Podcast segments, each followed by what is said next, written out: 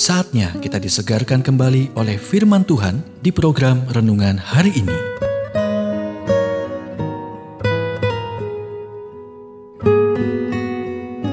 Renungan hari ini berjudul Berpenampilan untuk Sukses. Nats firman Tuhan diambil dari Roma 13 ayat 14. Tetapi kenakanlah Tuhan Yesus Kristus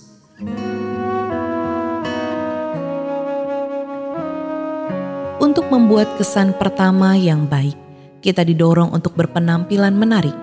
Tapi sebagai anak Tuhan yang ditebus, perhatian pertama Anda seharusnya bukan bagaimana Anda dipandang orang lain, tapi Tuhan.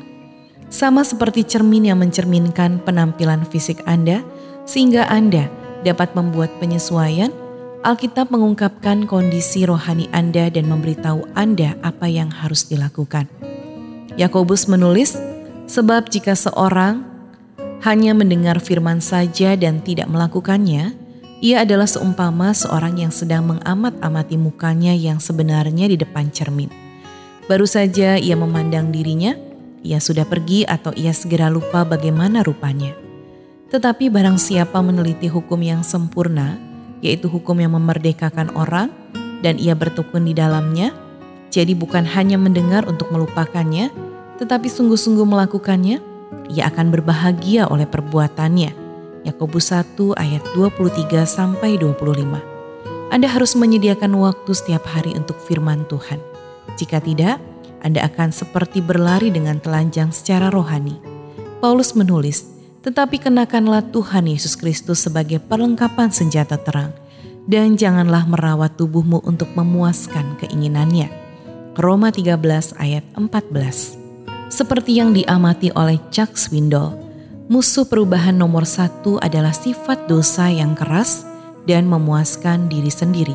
Seperti anak manja, ia telah dipuaskan dan dimanjakan selama bertahun-tahun, jadi ia tidak akan menyerah tanpa amarah yang meluap-luap.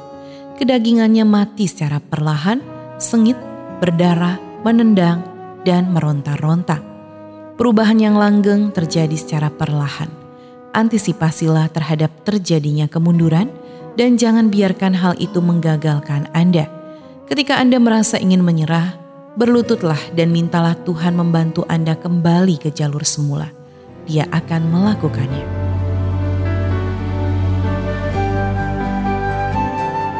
Kita telah mendengarkan renungan hari ini. Kiranya renungan hari ini terus mengarahkan kita mendekat kepada Sang Juru Selamat, serta menjadikan kita bertumbuh dan berakar di dalam Kristus. Renungan hari ini tersedia dalam bentuk buku maupun digital dan bisa Anda miliki dengan menghubungi Japri di WhatsApp 0812 8784 7210 atau email ke infoapripusat@gmail.com. Tuhan memberkati.